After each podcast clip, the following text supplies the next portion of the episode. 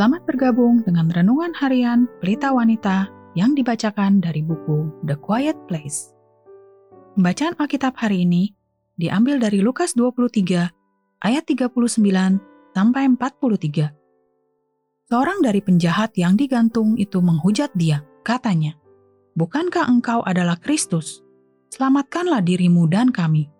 Tapi yang seorang menegur dia, katanya, "Tidakkah engkau takut juga tidak kepada Allah, sedang engkau menerima hukuman yang sama? Kita memang selayaknya dihukum, sebab kita menerima balasan yang setimpal dengan perbuatan kita. Tetapi orang ini tidak berbuat sesuatu yang salah. Lalu ia berkata, "Yesus, ingatlah akan aku apabila engkau datang sebagai raja." Kata Yesus kepadanya, "Aku berkata kepadamu, sesungguhnya hari ini juga engkau akan ada bersama-sama dengan aku di dalam Firdaus. Ayat kunci hari ini adalah Lukas 23 ayat 43. Kata Yesus kepadanya, Aku berkata kepadamu, sesungguhnya hari ini juga engkau akan ada bersama-sama dengan aku di dalam Firdaus.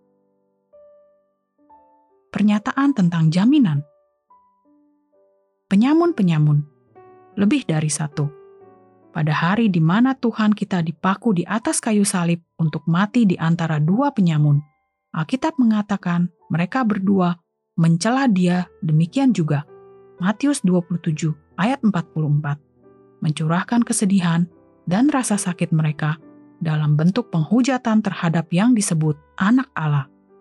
Dan kemudian, sesuatu yang tidak dapat dijelaskan terjadi salah satu dari penjahat itu tiba-tiba menegur yang lain. Lukas 23 ayat 40 sampai 41. Dia sudah cukup mendengar, hatinya telah berubah. Penjahat ini melihat seperti apa dosanya sendiri dan siapa sesungguhnya orang yang di sebelahnya ini. Dia telah diberikan kemampuan, bahkan dalam jangka waktu yang singkat, ketika dia akan segera menghadapi kematiannya untuk bertobat dari banyak kegagalannya dan untuk mengeluarkan seruan iman dengan penuh harapan. Yesus, ingatlah akan aku apabila engkau datang sebagai Raja.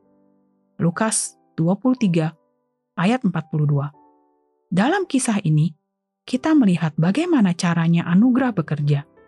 Kita melihat keajaiban Injil dinyatakan untuk penyamun dan penjahat, untuk dokter dan pengacara, untuk Anda dan saya kita tidak memilih Tuhan. Dialah yang memilih kita. Dan untuk alasan itu, dan tidak ada alasan yang lain, kita dapat menghadapi kematian dengan keyakinan ini. Hari ini, engkau akan ada bersama-sama dengan aku di dalam Firdaus. Jika Anda khawatir tentang apa yang akan terjadi pada Anda ketika Anda mati, kalimat ini memberi jaminan bahwa kehidupan kekal Anda tidak ditentukan oleh kehidupan yang telah Anda jalani atau dosa-dosa yang telah Anda lakukan, melainkan didasarkan oleh kepercayaan yang sederhana kepada Kristus dan anugerahnya. Jika Anda tidak yakin apakah orang yang Anda kasihi akan menikmati kekekalan bersama Tuhan, kalimat ini memberi harapan bahwa belas kasihan dapat dicari dan diberikan bahkan pada saat-saat terakhir dalam kehidupan seseorang. Yesus telah memberitahu pada muridnya bahwa ia akan datang untuk membawa mereka pulang bersamanya, supaya di tempat di mana aku berada, kamu pun berada. Ini terdapat di dalam Yohanes 14 ayat 3. Dan janji ini bahkan mencakup penyamun yang sekarat tanpa satupun perbuatan baik atas namanya. Surga adalah karunia dari Allah bagi semua orang yang percaya dan menerima kematian Kristus di kayu salib. Sebagai penutup, mari kita merenungkan pertanyaan ini. Apakah Anda memiliki teman dan orang yang Anda kasihi yang terus-menerus menolak pengampunan Kristus? Mintalah kesempatan untuk membagikan kisah Injil yang agung ini kepada mereka.